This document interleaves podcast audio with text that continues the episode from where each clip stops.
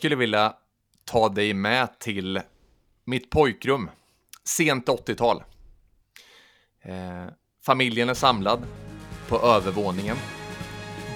Man tittar på Dallas. Men Niklas är för liten för att vara med. Alltså, jag får ligga där nere i, min, eh, i, i mitt pojkrum, i min säng. Och höra eh, lite fotsteg där uppe och framförallt... Där låg jag, Kristoffer, i min ensamhet. Såg du Dallas? Nej, jag såg aldrig särskilt mycket Dallas. Det var, det var för svårt och det var inte särskilt underhållande i den åldern tyvärr. Jag är ju lite yngre än dig eftersom du är lite, du är väldigt gammal. Ja, eller jag hade inte alls de preferenserna, utan jag tyckte allt var underhållande som gick på tv och man ville ju vara med, men i de här fallen så fick jag inte vara med. Eh, men, men det här för oss in på ett samtida tv-program, ytterligare en såpopera som gick på tv. Alltså, jag vill minnas att det var samtida som Dallas och det hette Falcon Crest. Var det något du följde som liten? Inte följde, men eh, jag har sett betydligt mycket mer av Falcon Crest och eh, ja, ja, alla sådana såpor. Mm.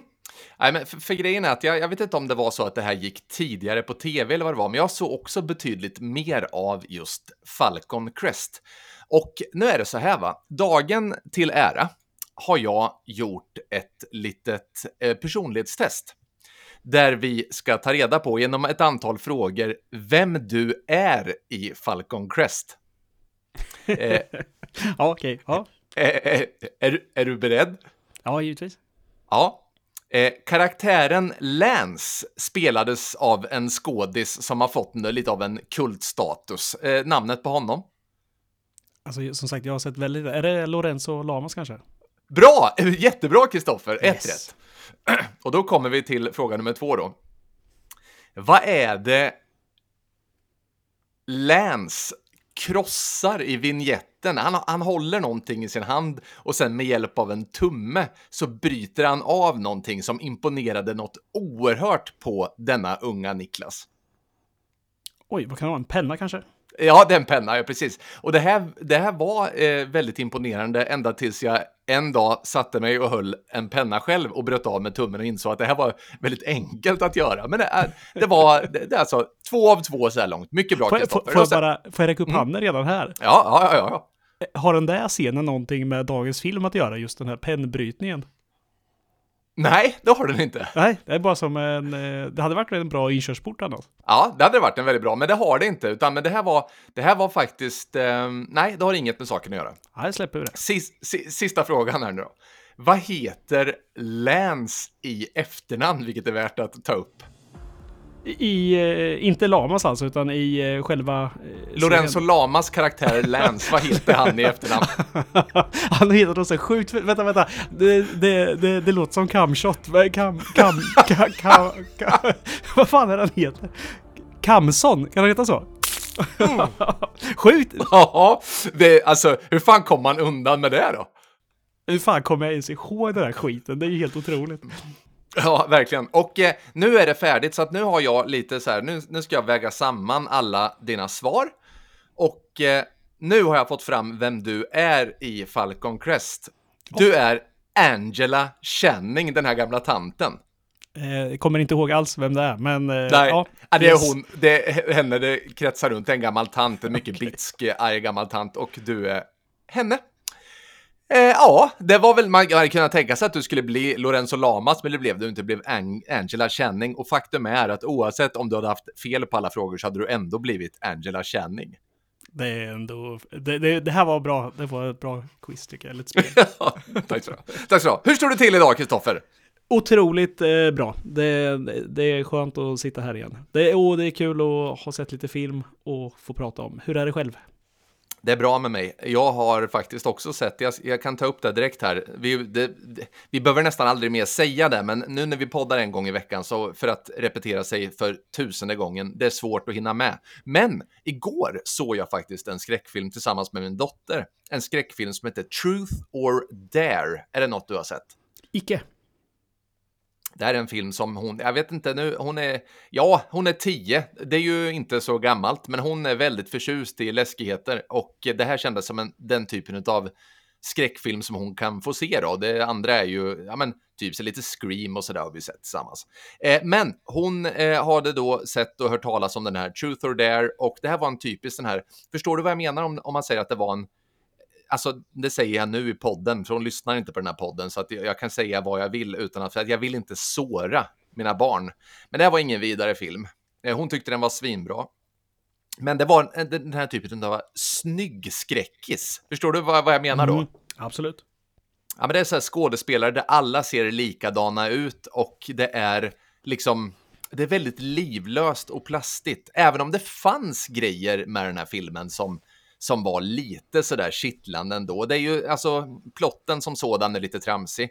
De kör Truth or Dare i någon sån här gammal okult kyrka och så sprider sig det där så att man måste spela Truth or Dare tills man dör och föga förvånande så är det ju då väldigt eh, elaka grejer. Så väljer du truth så är det så här sanningar som kommer eh, skada folk och eh, konsekvenser är ännu mer eh, skadliga då egentligen. Eh, slutet hade någonting, eh, då och då blixtrar en till, men ganska lam i övrigt skulle jag säga. Det är ju något det där med snygg skräck, eller alltså snyggfilmer i sig, alltså det är ju så otroligt tråkigt, för ofta får de här karaktärerna inget eh, djup alls, mer än att de är castade just för sin snygghet. Det där känns som någonting som kom otroligt mycket i kölvattnet av, eh, alltså slasher-revivaln som kom mm. efter Scream där känns det som. Då var det otroligt mycket snyggskräckisar. Säga vad man vill om Jag vet vad du gjorde förra sommaren, eh, franchisen eller eller, eh, ja vad fan hette den här andra? Där, även, där bland annat Jared Leto är med. Vad heter den? Ja, höst, eh, höstlegender, tänkte jag säga. Ja, det heter den inte. eh, vad fan hette den nu Den kom 98. Det, nu, det här eh. stör igen mig. Vi måste ha den här nu, vad den heter den här början när de blir döda på någon mack där. Ja. Eh, vad fan. Det... Den, den heter Mördande legender. Mördande legender heter den, inte höstlegender. Nära nog. Vad härligt ja. om det skulle vara så här, du vet, så här, man drar ihop så här, ska vi se en skräckfilm istället? Så du bara så här, ja, vi gör det. Så, så drar du hem så här, höstlegender istället. Mm. Så Brad Pitt istället plågat och kisar mot solen i tre timmar i världens längsta hår som får Aslan mm. från Narnia att, uh, ja, våndas. Ja, där! Det jag skulle komma till i alla fall var att alla de här filmerna hade ju en sak gemensamt. Det var ju att det fanns ju inte en karaktär i de här som såg dålig ut. Nej, nej, nej. Så är det ju och det fanns väl också vissa liksom sådana tendenser i 80-tals slashersna, men där fanns det ändå oftast lite sådana här nördar som, som då inte var, alltså för att skulle någon spela en nörd idag så skulle det vara en ung Jared Leto som man sätter på ett par glasögon och tänker att ah, men nu ser han nördig ut. Men då hade man ändå den goda smaken att få folk att se ut lite som folk gör mest och då är det mycket lättare att ta till sig karaktärerna. ja, det är rätt kul. På tal om det, du vet den här, eh, vad fan heter den? Cabin in the Woods, du vet som kom för yes. några år sedan. Den är ju mm. riktigt schysst tycker jag, den rullen. Ja. Nej, jag tycker att den är schysst. Det finns ju en kille den som glider med det här gänget där ledaren är ju Chris Hemsworth, har jag för mig. Eh, ja. Så att blandar ihop här. Ja, där liksom, han kan ju flasha ett sexpack och alla kommer tycka det är härligt. Men det finns en annan kille där som går omkring i så här munktröja typ hela tiden, eller en hoodie då, och sen går omkring med en så här stor bong, för han är ju den här Maja-rökande killen. Kommer du ihåg den? Karaktären? Mm, fan, jag kommer inte ihåg. Ah, jag har bara sett den här en gång och där var den var rätt ny ja, det roliga var bara att den castingen när han eh, var med där, han är ju den som är mest vältränad av alla tydligen. Så här, alltså bär på en jävla fysik och ser bra ut. Så istället var de ju tvungna då, för de ville ha med honom för att han passade bra som, som tönt. Men sen hade han tränat upp sig så pass mycket inför filmen, alltså dumt nog, för det var inte hans hans karaktär skulle liksom inte vara det. Han ska vara den här i bakgrunden, du vet, som är tönten. Just det. Men så, så därför fick han då bära baggy jeans och den här hoodien hela tiden där och ha någon så här lite längre stoner lugg frisyr, du vet, så att han verkligen skulle kunna komma undan med. Ja, Bara kul grej ändå, som en ja. parentes i denna diskussion. Har du eh, sett något bra sen sist? Eh, jag har sett en film och så har jag sett lite på serie, men filmen som ändå är värd att nämna tycker jag är Eh, en gammal film från 81 som heter Inkräktarna på svenska. Det är ingen skräckfilm, det är en, eh, ja, men vad är det, mer så här krigs-action-thriller med, den heter ju eh, Thousand Comfort på engelska. Har du sett den? Mhm. Nej, det tror jag inte. Ett par, jag vet fan vad man kallar det på svenska, så här guardsman kallar man det på, på engelska. Fan, kan det vara, kan det vara värnpliktiga kanske? Ja, Eller så här, hemvärnssoldater? Ja, jag vet inte fan. Men eh, det är som är ute i skogen och sen blir det liksom, lek blir allvar. Det är rätt schysst så här eh, castingen, säkert Fred Ward. Ja, Fred Ward är en sån här snubbe som, som verkligen... Ja, han är en favorit i den här flykten från Alcatraz, tycker jag att han är mycket bra. Mm. Den är ju gjord av eh, Walter Hill också. Walter Hill har ju stått för en jävla massa sådana här, ja, med gamla klassiker ändå. Som är, som Ja. är härliga. 48 timmar, Red Heat bland annat och så vidare. Så det, det, det finns Mycket lite. bra. Och en liten favorit. Streets of Fire gjorde Walter Hill också har jag för mig. Och den är ju cool. Åh, Ja, väldigt. Och sen en oerhörd titel, bara det. Ja, ett, ett oerhört soundtrack också, för jävla härligt. Och Willem Dafoe i, no, i någon slags skurkroll där han bär, jag vet inte fan, han har något sånt här blåställ som är gjort av latex, ser för jävla otäck ut. Ja, han har en tendens att kunna se ganska otäck ut i det han än bär. Han har ju det, det, det är härligt. Jaha, har vi hälsat folk välkomna idag? Har du gjort det? Du som Nej, det har jag inte gjort. Varför gör du inte Ja, det? eh, nej, men för att jag var så inställd på att du skulle säga Lance Kamson i podden, så att jag, jag blev stressad. jag heter alltså Niklas och jag driver denna podd, eh, podden som fruktade solnedgången tillsammans med dig. Eh, Och mitt namn är Lorenzo Lamas som gästar Ja, detta nej, nej, nej. Angela Channing heter du. Angela Channing, ja, det är mitt namn. Just. Hej, hej och välkommen. Hej.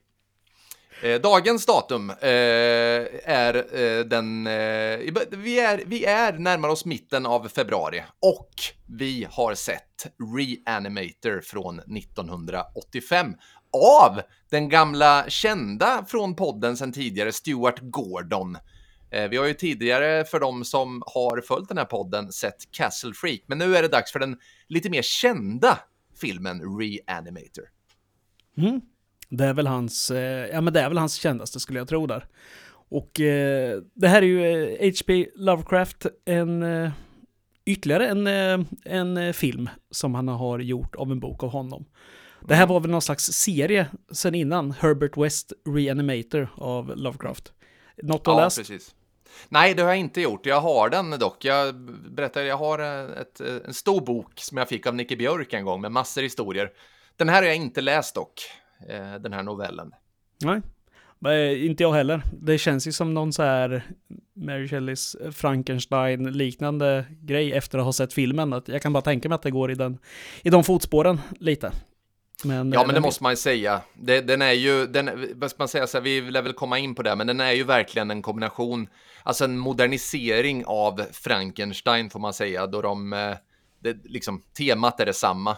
Skulle också säga att det finns klara eh, djurkyrkogården-vibbar, även om filmatiseringen av djurkyrkogården kom några år senare här. 89 om jag inte missminner mig så skrevs ju boken tidigare och är ganska trogen sin filmatisering sådär. Så att ja, jag skulle nog säga att det finns lite av båda där, helt klart. Absolut. Jag gillar framsidan på den här. Den har ju den här eh, klassiska som eh, 80-talet ofta hade, 70-talet med för den delen, men den här mer tecknade framsidan. Den, eh, Mm. ja, kommer du ihåg hur den ser ut? Ja, jag verkligen, jag har den framför mig as we speak faktiskt. Jag gillar just texten uppe i högra hörnet där. Herbert West Mm. has a good head on his shoulders and another one on his desk. Det är så jävla töntigt men kul på det där sättet tycker jag. Ja, Jag gillar den där Mm. biten. Lite så här glimten i ögat-aktigt. Det, det är härligt. Och- Otroligt bra. Var det här något du har sett sedan tidigare? Den här har man ju sett när man var betydligt yngre. Och det, jag tror man missade mycket i... Det, det här är ju en mer skräckkomedi skulle jag säga. Jag tror Mm. jag missade mycket av det komiska i den när jag såg den som eh, liten. Ja, men så är det ju. Och, och som sagt, passningarna till eh, tidigare verk, både på bok och film, är ju tydliga helt klart. Men du, eh, har du förberett något litet rim till idag? Med ett självlysande serum som sin allierade kraft upptäcker en doktor en makt större än han någonsin haft. Stackars hans grannes pälsbärande bengal. Denna doktor har en tvivelaktig moral. Han väcker den livlösa katten åter till liv med bieffekten att den blir ordentligt aggressiv. Stärkt av denna lyckade aktion måste han pröva på en riktig person. Stort tack för din mycket trevliga eh, lilla diktning. Också en fin fingervisning om vad som komma skall. Ska vi börja och gå igenom lite kort här vilka karaktärer vi har i den här filmen? Vi kan väl, jag kan väl börja där och säga att eh, ja, men filmens två huvudpersoner, det är de två läkarstudenterna Dan och Megan. Mm. Eh, och Megan, hon är ju dotter då till en, eh, ja, vad ska vi säga, en sjukhusägare som heter Dean Halsey. Och eh, Dean Halsey är ju en väldigt puritan. Han är väl lite sådär inställd till att Megan träffar denna Dan. Eh, Dan är väl inte riktigt lika fin. Man får intrycket av att Dan är en person som inte kommer från ett läkarsläkte utan är en sån som har krigat sig igenom den här utbildningen och nu ska eh, praktisera då helt enkelt, eller, eller praktiserar rättare sagt. Eh, vad har du att säga om de här två huvudrollsinnehavarna? Ja, men du är inne på det. Jag, jag gillar eh, Dan där. Han är ju en härlig karaktär. Han, han har inte helt lätt där. Han vill ju göra gott och eh, han förtjänar inte mycket av det som händer i denna film.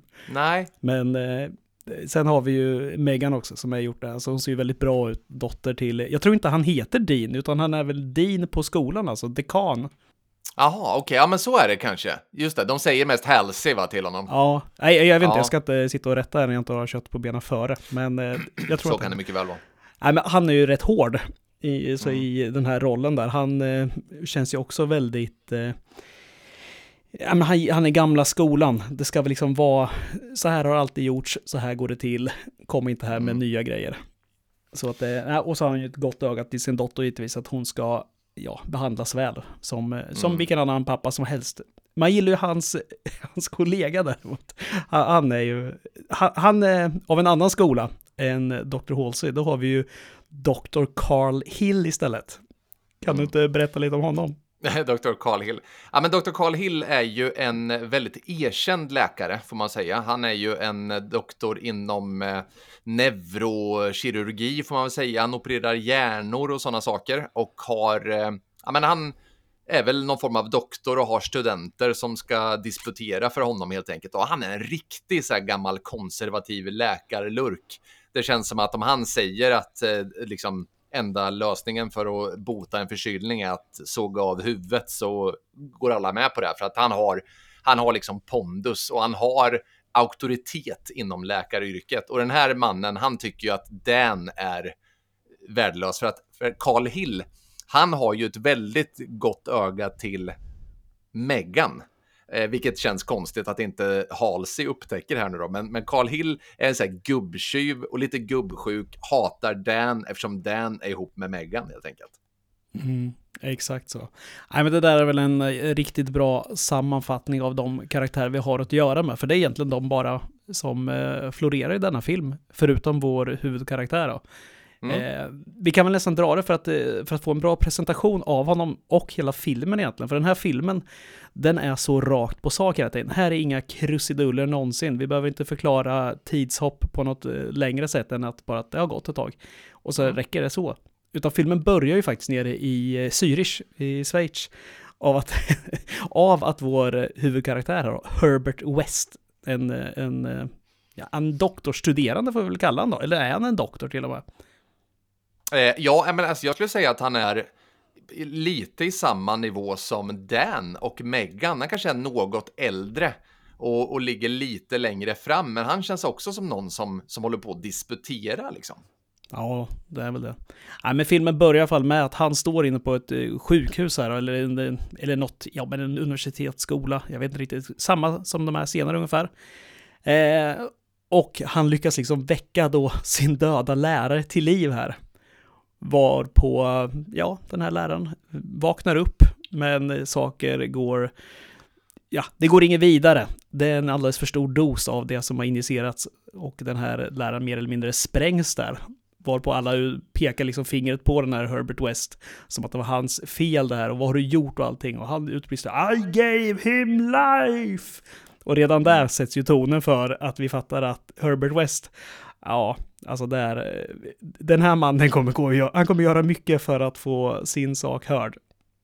Ja, verkligen. Vad skulle du säga? För det kan vi väl ta direkt också. Det här är ju ett serum då som Herbert West har utvecklat. Herbert West som verkligen ser ut som en liten sån här, ja men väldigt kort och så här glasögon. Autistisk känns han ju oerhört. Och han har liksom eh, uppfunnit ett serum då som man kan injicera i hjärnan på avlidna för att de ska leva igen. Vad har du att säga om det här serumet? Ser det hälsosamt ut tycker du, eh, det här serumet?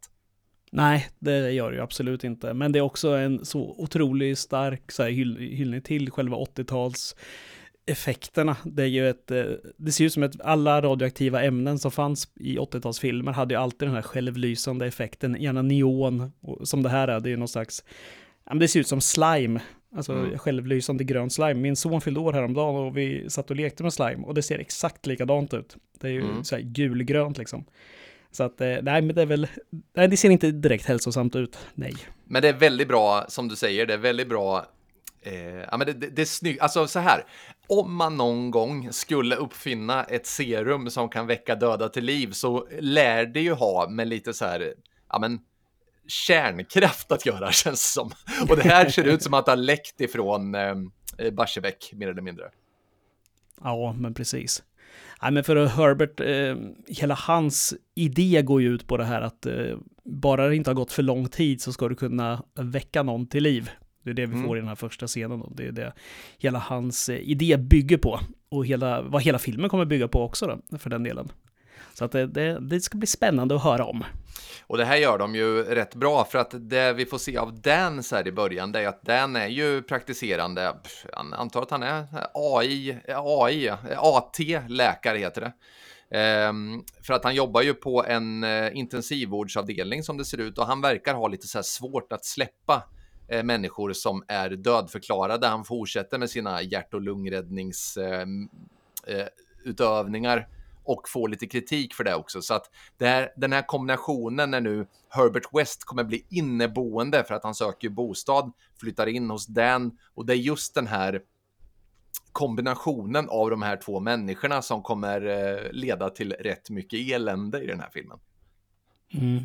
Och som jag var inne på där innan det här med att det, den är så rakt fram och så enkel i sitt utförande tycker jag visas så otroligt bra. Precis som du var inne på här med att han dröjer sig kvar vid den här patienten på sjukan som håller på, eh, håller på att avlida eller har avlidit. De står ju med den här defibrillatorn. Men han kör liksom sina övningar efteråt där och försöker väcka en till liv. Och man fattar direkt så här, ah, okej, okay, han ger sig inte i första taget, han kan inte släppa att eh, den har dött. Där har vi liksom hela hans premiss, det räcker för den här karaktären. Vi fattar också att han är tillsammans med den här dottern, det finns någon slags kärlek där. Och han extra knäcker då på bårhuset också. Det är så enkla medel för att skapa liksom en ganska likable karaktär. Ja, men det är det verkligen. Och, Till skillnad då från eh, Herbert West som, som ja. är den här andra som är liksom, ja men du återväckte den här läraren, men eh, det var inte det viktiga i den här situationen, utan det, var, det viktiga var att ah, men det gick inte så bra, men I gave him life. Det är jag, det är jag, det är mm. jag det kretsar om. Det är ju, vi fattar ju det direkt. Det finns ju ett stort problem också i den här typen av forskning som Herbert West gör. Det är ju trots allt så att om du ska eh, prova ditt serum som väcker folk till liv så måste du ha mycket med döda att göra. Och då är frågan hur hittar du de här döda? För det måste helst vara människor som har avlidit ganska nyligen. De ska inte ha få, fått lega, legat för länge så att säga. Eh, vilket gör det ganska risky, för nu måste ju i stort sett eh, Herbert West själv ha ihjäl sina offer och han prövar ganska snabbt på Dans cut. Kommer du ha någon slags utläggning nu en halvtimme om att den här katten har fått illa också? Dessa jävla katter som ska råka så illa ut. Vad är det katten heter nu igen? jag skrev ner det, jag har det, och en sekund där. Rufus. Rufus är det ja. Ja, men Rufus eh, menar ju Herbert West att han har hittat i rummet med någon så här, vet jag, plåtburk eller plastbit på huvudet och har kvävts till döds. Men han ligger ju i Herbert Wests kylskåp och den här stackars katten. Och det är här mina första tankar går till djurkyrkogården. Vad heter den där? Mr Jingles eller något heter ju katten där jag för mig. Mm.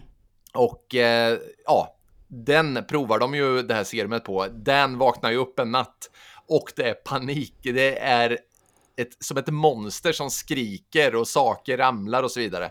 Han går ner i Herbert Wests arbetsrum och får då se att Herbert West kämpar mot vad som framstår vara en zombiekatt då. Mm, ja men precis. Han, eh, det är ju härligt när han går igenom Alltså innan där precis, det, det är så hemskt det här bara, när han går runt och vaknar kvällen innan där och katten är borta. Det här är också kul, för vi vet ju inte egentligen att Herbert West har bott där särskilt länge. Utan vi vet ju bara att ja, men han är inneboende. Men uppenbarligen har det gått ett tag här. Det är ju inte som att det går över natten bara, eller hur? Ja, men, ja, men verkligen, verkligen. Det är det här jag menar med tid och rum existerar ju inte riktigt här, mm. utan det är liksom så här, ja men vi kör bara. Eh, och det är så kul bara att den där katten är borta och de berättar lite så här, ja men han brukar hålla sig undan lite, eller han brukar komma fram ändå, Herbert hatar honom och så vidare. Och så smyger de ju in där, både, både Dan och eh, ja, tjejen, nu kommer jag inte ens ihåg vad hon hette här. Vad tappade jag bort Tjejen, Megan. Megan. Megan ja. ja, och han smyger in och hittar den här katten där i, i frysen som du var inne på där. Och mm. tillsammans med västvälling där. Eh, vad tackar. Välling. Lite som att eh, be om ursäkt till en gran, om man kallar den en liten kvist kanske. Ja men verkligen. Eh, nej, det hans serum där. Såklart. Och det är bara så snyggt när den där katten ligger där inne, helt likstel där. Alltså det är så, så jävla brutalt. För det liksom, ligger i en sån här liten minikyl mm. som man, man har på pojkrummet liksom. Mm. Och jag måste bara få gå in och rätta mig själv där. Katten i djurkyrkogården heter Church, men vet du vilket djur som är Mr Jingles? Det ringer ju jätteklocka ja, här. Nej. Det är musen i Gröna milen. Jag blandar ihop de där Så två jävlarna. Church. Ja, men det är, ja, skitsamma. Ja, nej men det, det jag ville bara ta där var att det var så jäkla fort det här med att det bara, man kommer in i rummet, ja, där ligger katten och sen var det så här, ah, ja. Och han förklarar ju bort det där som att det var någon olyckshändelse och sen kommer det här som du var inne på nu då, att de börjar, den börjar leva fan där nere i källaren. Ja, men verkligen, verkligen. Och det är där någonstans som Dan då kommer i kontakt med det här liksom serumet här. För att på något jäkla sätt så Herbert inser att han behöver Dan och eh, det blir en så här lite konstig dynamik de här två emellan för att Herbert är ju helt klart från vettet och Dan är ganska långt ifrån vettet. Han är ju en väldigt resonabel karl. Ändå så är det de två som på något sätt tvingas förstå varandra i allt detta. Mm, ja men verkligen. Det är ju ett jävla omaka par. Men eh, Dan är ju den, alltså vi har ju muscles och brains lite här va. Alltså mm. det, det Herbert är bra på, det är ju det här hans forskargrej. Sen har han ju desperata medel som han eh, tar sig an för att få det gjort. Medan Dan lite mer lite rim och rason här och faktiskt eh, kan komma på, men vi har ju bårhuset, jag jobbar där, vi kanske kan, ja, gå mm. ner dit. Ja, Medan Herbert är mer vi som, vi ska köra på det här, på vad som än händer. Han, nej, man förstår att han kommer gå över lik direkt, det är mm. inga konstigheter här. För det är ju vad som händer här. De behöver helt enkelt eh, människor. Och de går ner i bårhuset och eh, startar då sitt första test på en patient som ligger. Ett, ett lik helt enkelt. De har gått runt och synat liken lite och någon har varit så här. Ja, men någon är skjuten i huvudet, det går inte. Någon är brännskadad hit och dit. Och, men någon så här, som har haft lite problem med någon så här hjärt... Eh, ja, men dött av någon så här plötslig hjärtdöd. En, en person som är i bra form, den testar de på. Går det bra tycker du? Ja, det, mm. är, ja, det går sådär. Men får jag mm. bara slänga in en parentes här, mm. som jag tycker är kul. Den här personen som ligger där, är ju, kom ihåg hur han ser ut där. Det är ju en hisklig fysik på den här killen ja, som säga. ligger där. En man i så här, ja men äldre 20-årsåldern. Mm. Så det, det är Peter Kent som är, eller som var Arnold eh, Schwarzeneggers body double det är han som ligger här och blir wow. undersökt. Ja, och det som är kul är att just, nu blir det en lång parentes här, men det var att eh, han gillade den här filmen så jävla mycket. Så han eh, visade den för Arnie, som tyckte den här filmen också var ascool. Och han rekade då Stuart Gordon som regissör till filmen Fortress. Den har man ju sett. Ja, verkligen. Fortress, med, som är med Christopher Lambert, Lambert. i huvudrollen. Mm på grund av att Arnold tackade nej till den rollen. Så Fortress hade kunnat bli jävligt bra också, fast med Arnold istället. Kul parentes bara, att det är Peter Kent som ligger där. Jag tror ändå att, att Arnold hade kunnat, nu, nu eh, fastnar jag, vilket jag lätt gör. Eh, jag gillar Fortress, jag gör det verkligen. Jag har aldrig tyckt att Christopher Lambert är en skådis som kan bära en film riktigt, utan det krävs annat. Arnold hade kunnat ge Fortress en helt annan glans. Jag är helt övertygad om att han hade kunnat vara den som tar filmen upp från tre till fyra i det här fallet. Lambert bär inte. Lambert bär till trä. Så är det.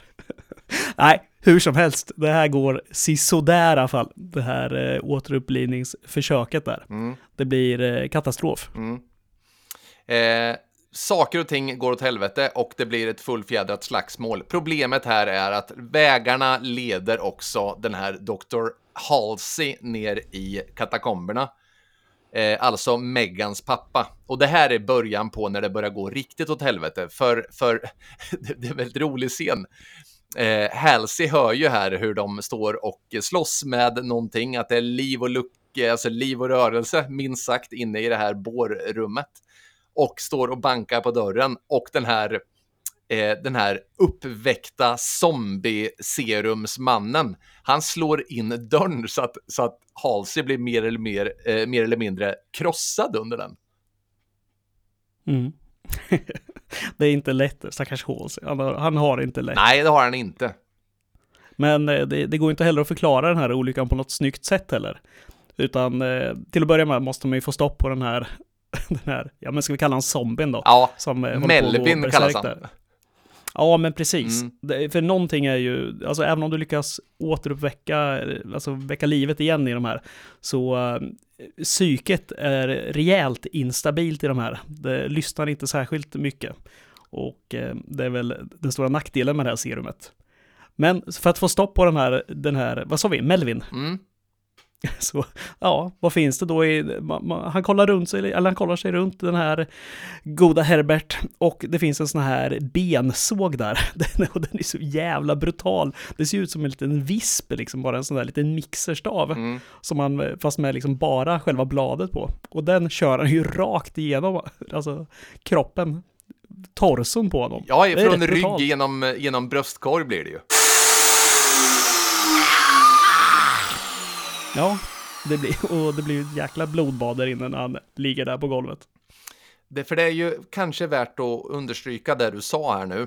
Eh, som sagt var, det är ju så att de vaknar upp med hjälp av det här serumet, men de är ju zombisar. De är att likställa med något ur djurkyrkogården eller valfri zombiefilm.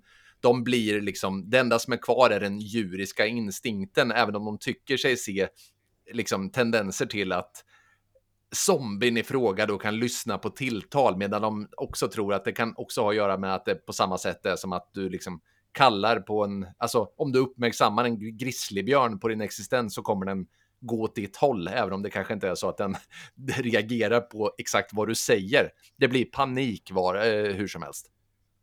Mm. Ja, det, det blir ju, och det blir ju tråkigheter där nu då, givetvis, när Halsey är, eh, ja men han är ju död där nere.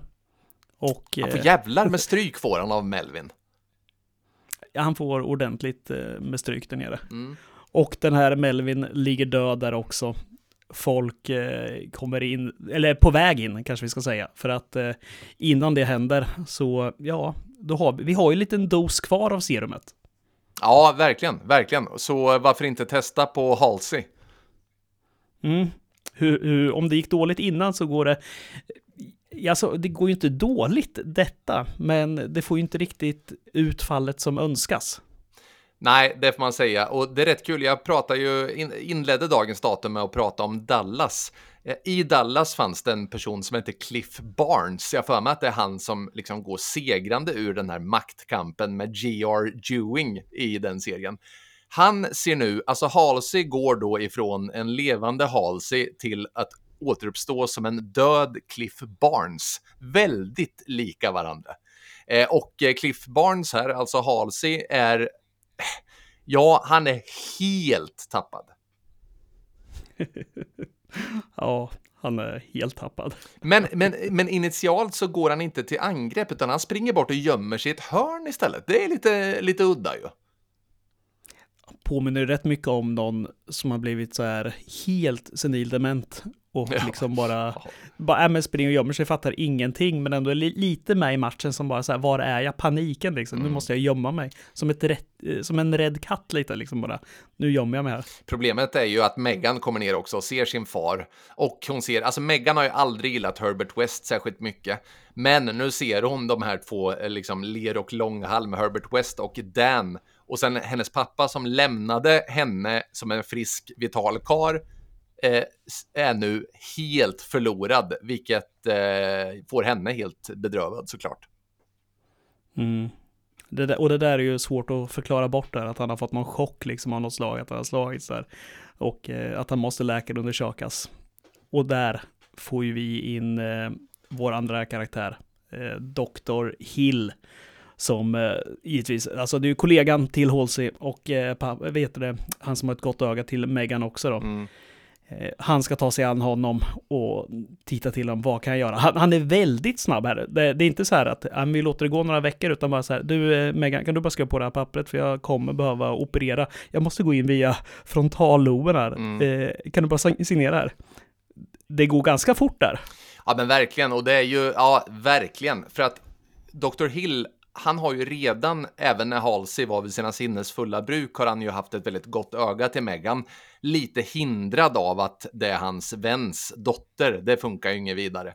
Men nu när eh, Halsey står i det här skyddsrummet med, ja men du vet, eh, som en mentalpatient gånger 200 med sån här tvångströja och allting. Han tittar in mot Halsey, tittar på, på dottern och sen är det ju lite... Det går ner sa jag! Vänta, fan! Didrik, ner! Lite så när han tittar på henne. Oj, vad är det som händer? Nej, han, han talar ju då till, till eh, de eh, organ på kroppen som har drift liksom. Ja, det är, det är otroligt.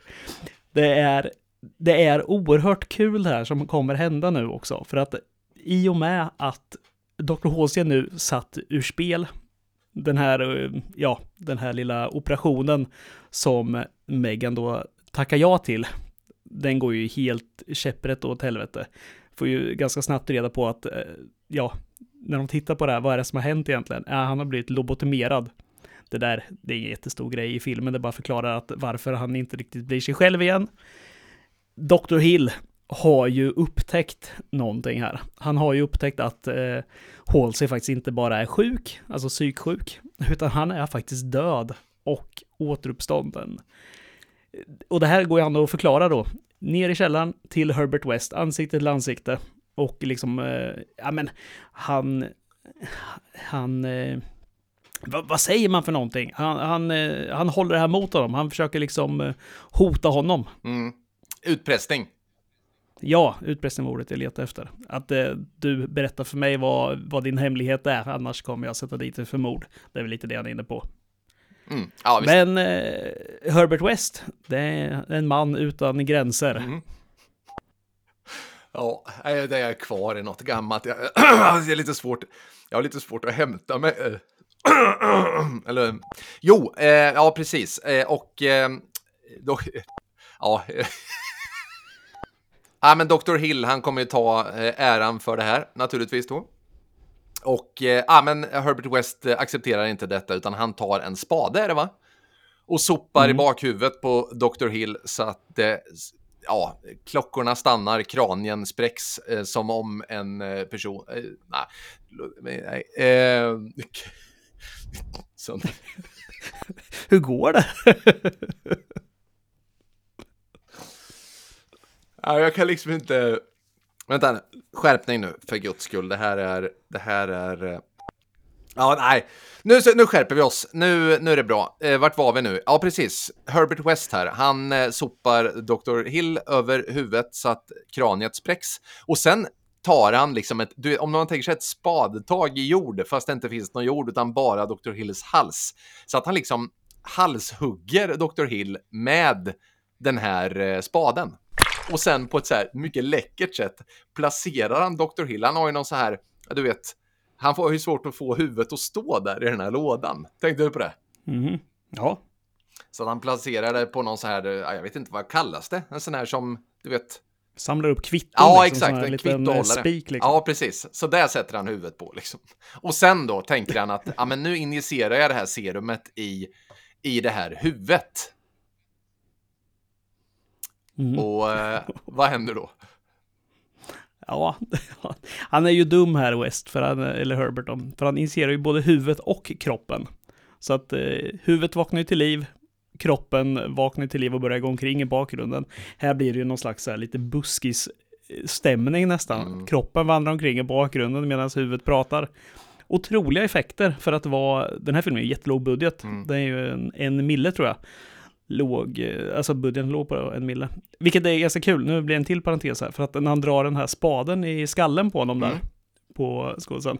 Tydligen var det så svårt att få till en riktigt bra spade som är snygg, det kan man ju tänka sig, för den där är ju, den är ganska smal liksom och ska Ja. vara ganska tung och spetsig liksom. Så tydligen var den där spaden alldeles för hård, så det drog till honom så in i helvete skådisen i bakhuvudet. Så att, och han bar någon slags så här tupi eller liksom någon slags peruk där under tiden också som alltid åkte av där. Det vart ett jävla liv tydligen. Men ja, kul grej.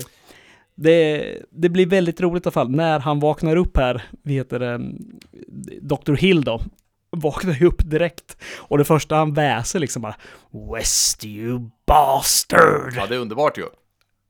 Ja, det är väldigt kul. Det där är ju en sån där mening som man har hört flera gånger också.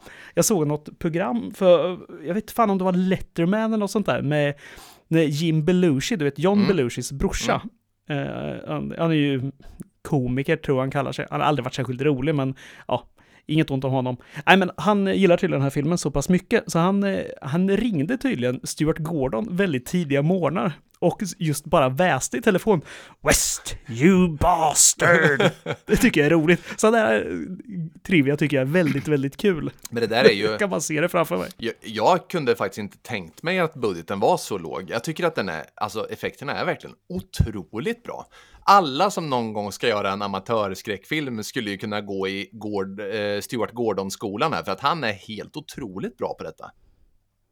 Ja, verkligen. Det är ju härliga grejer. Det här skulle ju vara, när de gjorde den här, så skulle den ju ha varit egentligen för en teateruppsättning, för han, Stuart Gordon gjorde ganska mycket teater. Mm. Och då, sen eh, kom de på att äh, det kanske blir lättare att göra som en, som en serie istället. Mm. Som så här 10 eller 13 avsnittsserie. Men eh, det blev en, en film istället då, för att de tyckte att det passade bättre.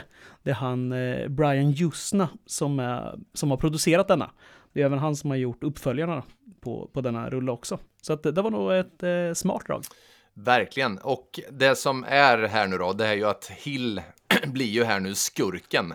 Eh, han lyckas ju övermanna den stackars Herbert West där dunka in honom i väggen så att han svimmar.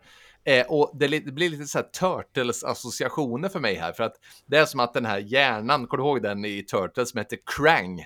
Krang. Ja, hade ju en så här gigantisk kropp som, som han Mm. styrde liksom ifrån magen. Och nu är det inte från magen, utan den här kroppen går ju runt och bär det här huvudet då. Och då är det en ganska schysst scen för att eh, slutuppgörelsen kommer ju ske i det här bårhuset återigen då. Och då sätter de eh, Hills gamla, han har ju som en sån här eh, i sina, ja men, i- i sitt doktorskap har han ju det här huvudet då. Där han ska kunna visa liksom hjärnans anatomi och sådana saker. Det sätter han på huvudet på kroppen. Och hans eget huvud blir då förpassad i en väska. Så att, eh, ja, det är jäkligt kreativt löst där när han ska gå ner i de här katakomberna och eh, skrida till verket med sin hiskliga plan. Mm. Ja, men vi kan väl ta oss dit direkt. Det, andra är lite bara så små grejer där. Ja. Vi, vi flyttar oss till bårhuset, för det är där vi, vi avslutar filmen med. Vi har, Megan har blivit kidnappad av Hill. Blivit eh, fastbunden på en liten brits där nere.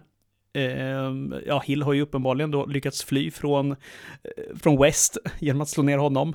Och eh, vi har även Dr. Halsey som är i något slags eh, mentalt våld av Dr. Hill numera, eftersom han är lobotomerad och går att styra lite som man vill. Mm. Även Dr. Hill har ju även lyckats han har ju också lite forskning i, i skallen. Han har ju lyckats forska fram någon slags så här telepatisk förmåga. Han har gjort lite experiment på de här i bårhuset här. Som sagt, tid och rum existerar inte här, utan han har hunnit med det här.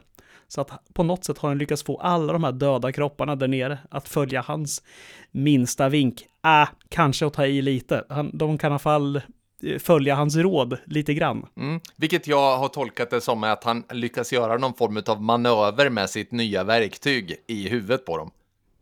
Mm, ja men exakt. Exakt. Det här är ju, det är ju rätt härlig scen där nere, alltså man gillar det här. Dels gillar man, framförallt, eller jag är det, för jag tycker det, det är kul när man tar en, en film och så går man över alla gränser som finns. Eh, den här är ju från 85, det är mitt födelseår liksom, så att, eh, och det, man hade inte sett sådär jättemycket grejer, i alla fall inte i amerikansk film, alltså det är ju ändå rätt restriktiva med vad som visas. Mm i alla fall, kanske inte, inte alltid i våld och sånt där, utan det, men när det gäller så här sexuella bitar så brukar det alltid finnas en viss gräns här. Men det blir väldigt eh, mörk humor här när då Dr. Hill och Megan försöker, när Dr. Hill försöker nå bas 3 med henne, fast med ett huvud kort här kanske man kan säga. Han, han står där, alltså hans kropp håller i huvudet och han liksom börjar, ja men pussa på hennes tuttar där och det liksom försöker nå den här basen. Mm. Och sen liksom för huvudet, eller för kroppen då huvudet neråt mellan benen. Och det blir ju så jävla obekvämt att se det här. Alltså det ser ju sjukt ut. Mm. Och, det, jag skrattar mycket. Ja, det är helt sjukt. Och det finns ju en liten sådär liknande tendens, om vi nu ska prata om eh, här, du vet, fellatio-tendens också i Castle Freak. Det, då är det ju en mm. lika grotesk scen på ett sätt som är liknande där. Han verkar ha någon form av fabless för det här, den gode Stewart. Ja, men ska man göra ett monster så ska man fan gå in för att göra någon sjuk. Liksom. Alla dina begär, har du redan satt, eh, gjort ett monster som i den här Hill då? Mm. Han är ju så, liksom, så vanskap man kan bli med sitt huvud under armen så att mm. säga. Mm. Och, och redan liksom eh, går ju över lik för allt. Ja. Då kan man lika gärna gå ja, men gå all out bara. Nu kör vi liksom. Jag tycker det är härligt. Tydligen vart det här helt sjukt också när han spelar Hill. Mm eh, hans skådespelare är ganska gammal. Det är inte så att vi har en 30-åring här, utan vi har väl en så här 60, nästan 70 åring Ja, det skulle jag säga, någonstans däremellan. när hans fru såg den här på, på bio mm. på, under äh, premiärvisningen så sprang hon ut där, skrek hans namn och hur kunde du? Det, alltså, det är ju otroligt. Det är liksom så här, Jävlar, hon var arg alltså? Ja, kanske så här konservativa så här, kärring. Mm. Jag vet inte, men det, det, känns väldigt kul. Även morsan till hon som spelar då Megan där tyckte att det här var det absolut värsta hon kunde göra. Vilken jävla roll lilla horslyna. Kan tänka mig ja, att hon sa till henne. Säkert, säkert. Det var tankar som gick i mina ord, inte hennes. Nej, fast det där är ju, jag, jag måste ändå så hylla, alltså det är, det är over the top på alla sätt, men det är också väldigt eh, härligt på sitt sätt. Ja, men det är ju underhållande, mm. det är det det ska mm. vara. Eh, jag ser här att eh, Dr. Hill, den skådisen, Eh, han heter ju eh, Anthony eh, Blakely. Förlåt, David Gale heter han. Han spelar en Dr. Anthony Blakely i en film som kom tre år senare som heter The Brain. Där de på något sätt då använder någon så här hjärna. Ytterligare så här, ännu mer Krang-vibbar på den ska jag säga. Eh, så att han fastnar i det där doktorfacket och sen en extern hjärna som ska styra saker och ting. Jag tycker det kändes lite härligt. Och det verkar också som att han är med i uppföljaren sen. Bride of Reanimator. Ja. Han fick ju rejäl avtackning här också. Han dog ju inte jättemycket efter det här för mig. Nej, 91 eh, dog han. Och Ja, precis. Så att han fick en rejäl avtackning i eftertexterna på den här och även de andra också där. Kanske just för att, nu vet jag inte hur det gick med frugan där, om de hittade tillbaka till varandra. Vi får hoppas ja. att hon inte var sur för evigt. Nej, Men eh, det, det, är ändå rätt starkt att göra en sån karaktär tycker jag, för att eh, jag kan tänka mig att man kanske inte vill bli förknippad med Dr. Hill liksom genom resten av karriären. Det är inte, eller den typen i alla fall. Nej. Nej, men det är väldigt over the top och här är det ju också alltså vad vi skulle kunna kalla för en smärre zombieapokalyps som sker här i bårhuset i slutet för att han har ju som sagt var fått liv i alla kroppar som låg där. Berättade ju förut att de var ute där, Kane och eller Dan Kane och Herbert West och letade ett eh, potentiellt första eh, provdocka då för, för det här. Eh, och alla de här kropparna som de negligerade i början, de har nu kommit till liv. Så att det är panik helt enkelt. Mm. Det är ju, ja, ja, det är väldigt mycket panik. Det gör en lång historia kort, den är ganska, ja, men den är inte särskilt lång den där scenen, men den känns lång. Det, vi ser att Herbert West injicerar vet Dr. Hill med den största dosen vi har sett hittills. Och det där får ju förödande effekter igen då. Så att det blir ju mutering och så vidare. Det börjar komma tentakler mer eller mindre va? Eller tarmar som ja, försöker precis, ta honom. exakt. Ja, men här går vi ju full-blown galenskap liksom rakt ut. Alltså så här body horror i all ära Mm. liksom. För här, här ska det liksom bara, det är slafs konstant Mm. här. Eh, Megans pappa har fått någon slags så här faders, faders känslor i den lilla, den lilla hjärnan har som fungerar. Det är inte lillhjärnan utan alltså hans hjärna, det enda han hör här är hennes skrik där och han Ja, i ett kort ögonblick så lyckas han liksom göra någon slags räddningsmanöver där. Mm. Och Dan springer omkring. Herbert blir tagen av Dr. Hill. Dan och Megan försvinner ut i en hiss och de fejdar av lite zombies. Och sen, ja, men sen har vi ett sånt här klassiskt öppet slut där också. Mm. Eh, återigen där så är det ju verkliga djurkyrkogården-vibbar tycker jag. För att den här, en av de här zombiesarna som rö, drar, eh, dröjer sig kvar i hissen stryper ju Megan till döds här. Och så är vi tillbaka och kopplar samman med just det här att den Dan febrilt och försöker få igång hjärtaktiviteten på henne. De provar alla möjliga medel som finns, men hon dödsförklaras. Och han tar då fram sin lilla attachéväska där han har en dos kvar med det här serumet då. Och så får vi se att filmen tar slut precis där när han skulle eh, injicera det här i sin fru då. Så att det är ju precis som eh, djurkyrkogården egentligen då. Mm. Ett bra slut. Väldigt bra slut och man blir ju direkt sugen på att se uppföljaren. Man måste veta hur det här eländet slutar alltså. Med tanke på att det är just eh, Herbert West som är, ja, men, som är liksom huvudrollen ändå, Mm. så får ju han ett ganska Ja men ett ganska otacksamt och ganska så här bortglömt eh, öde i slutet av denna film. Han försvinner ju där i de här tentaklerna Mm. liksom. Men sen är det inte mer. Eh, och nu vet jag inte om det var planerat en uppföljare redan här, men jag tycker det är ganska modigt ändå att bara, ja men, vi behöver inte veta vad som händer med honom, han dör väl där nere. Eller så gör han inte Nej, det. men precis. Ja, men på något sätt så stod det skrivet i stjärnorna att han skulle drabbas av det han har tagit fram. Alltså det monster han skapar, det är det som blir hans död. Så här, det är också en klassisk saga. Absolut. Ja, det är ju Frankenstein-ödet Ja, de- deluxe liksom. Det är ju inget konstigt där. Nej, men jag, jag, jag gillar det där också. Ska vi ta en liten eh, sammanfattning? Mm. Vill du dela ut något betyg, någon scen du tycker om och så vidare?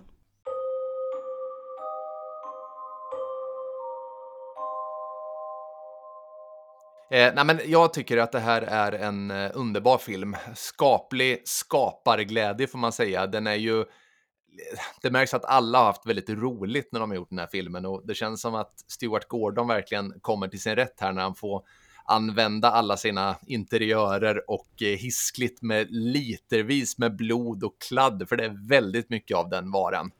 Jag tycker att eh, det blir verkligen eh, over the top och underbart när de separerar Dr. Hills huvud från kroppen och när han får liv där, det är då filmen går in i andra andningen. Från att ha varit liksom over the top så blir den over, over the horizon and away, far, far away in the galaxy. Så jävla eh, over the top blir det.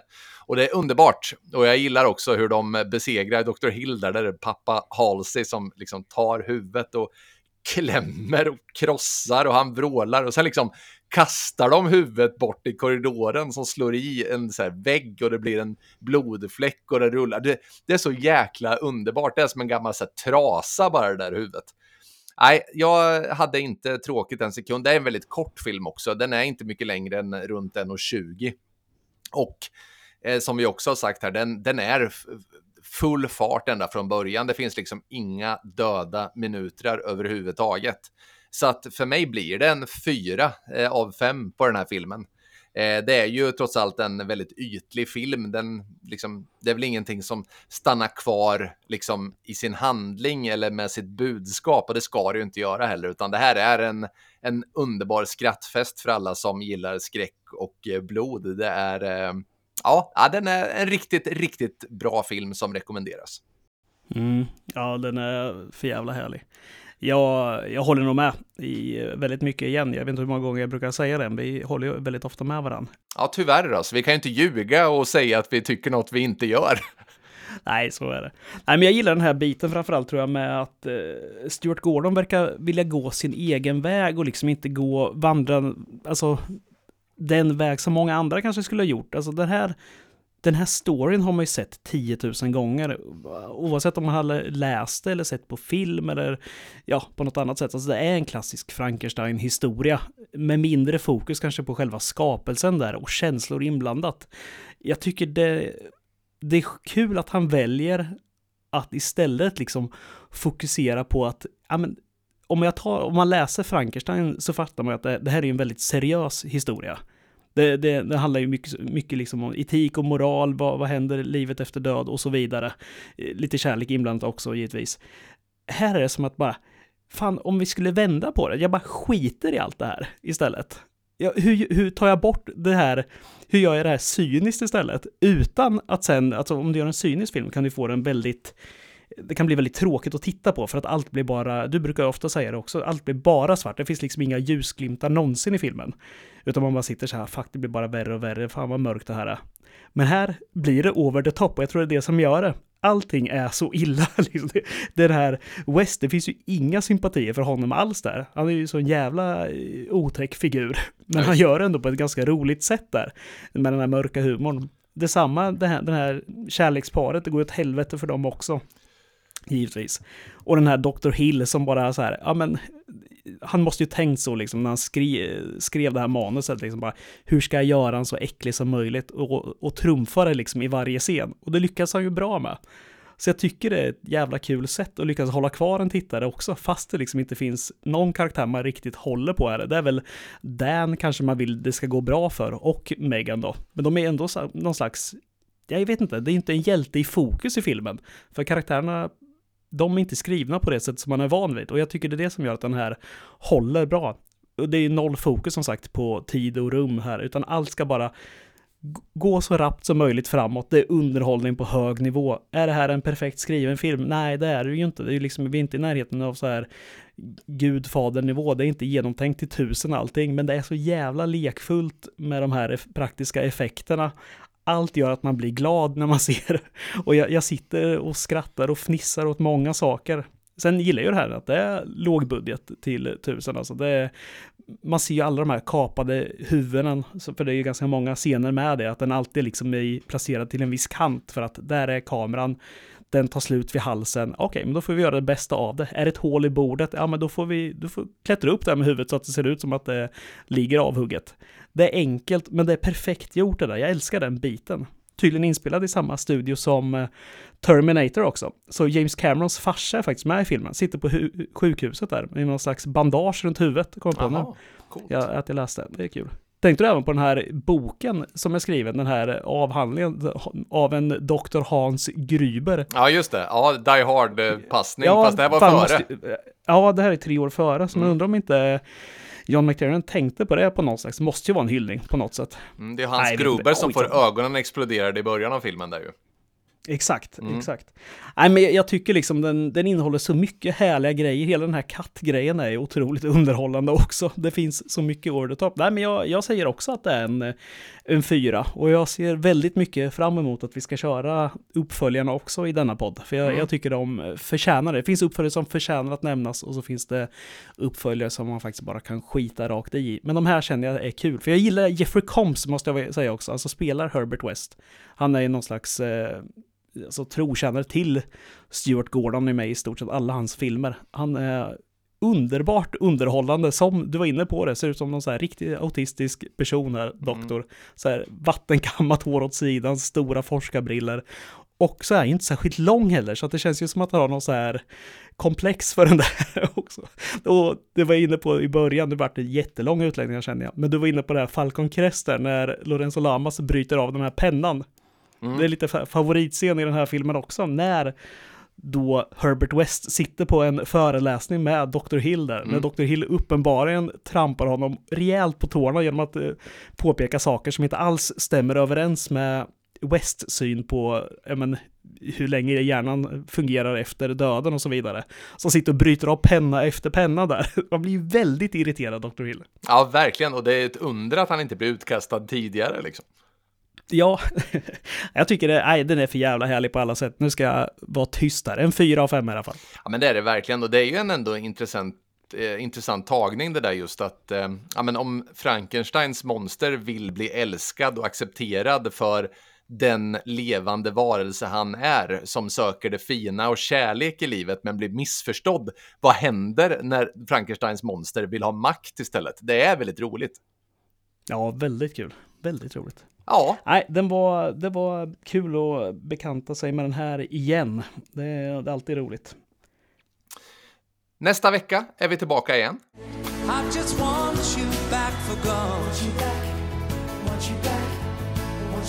Ja, det är vi. Vi avslöjar väl inte redan nu vad som komma skall där, utan eh, vi tittar väl ut och eh, ser natten där vi försvinner i nattens mörker.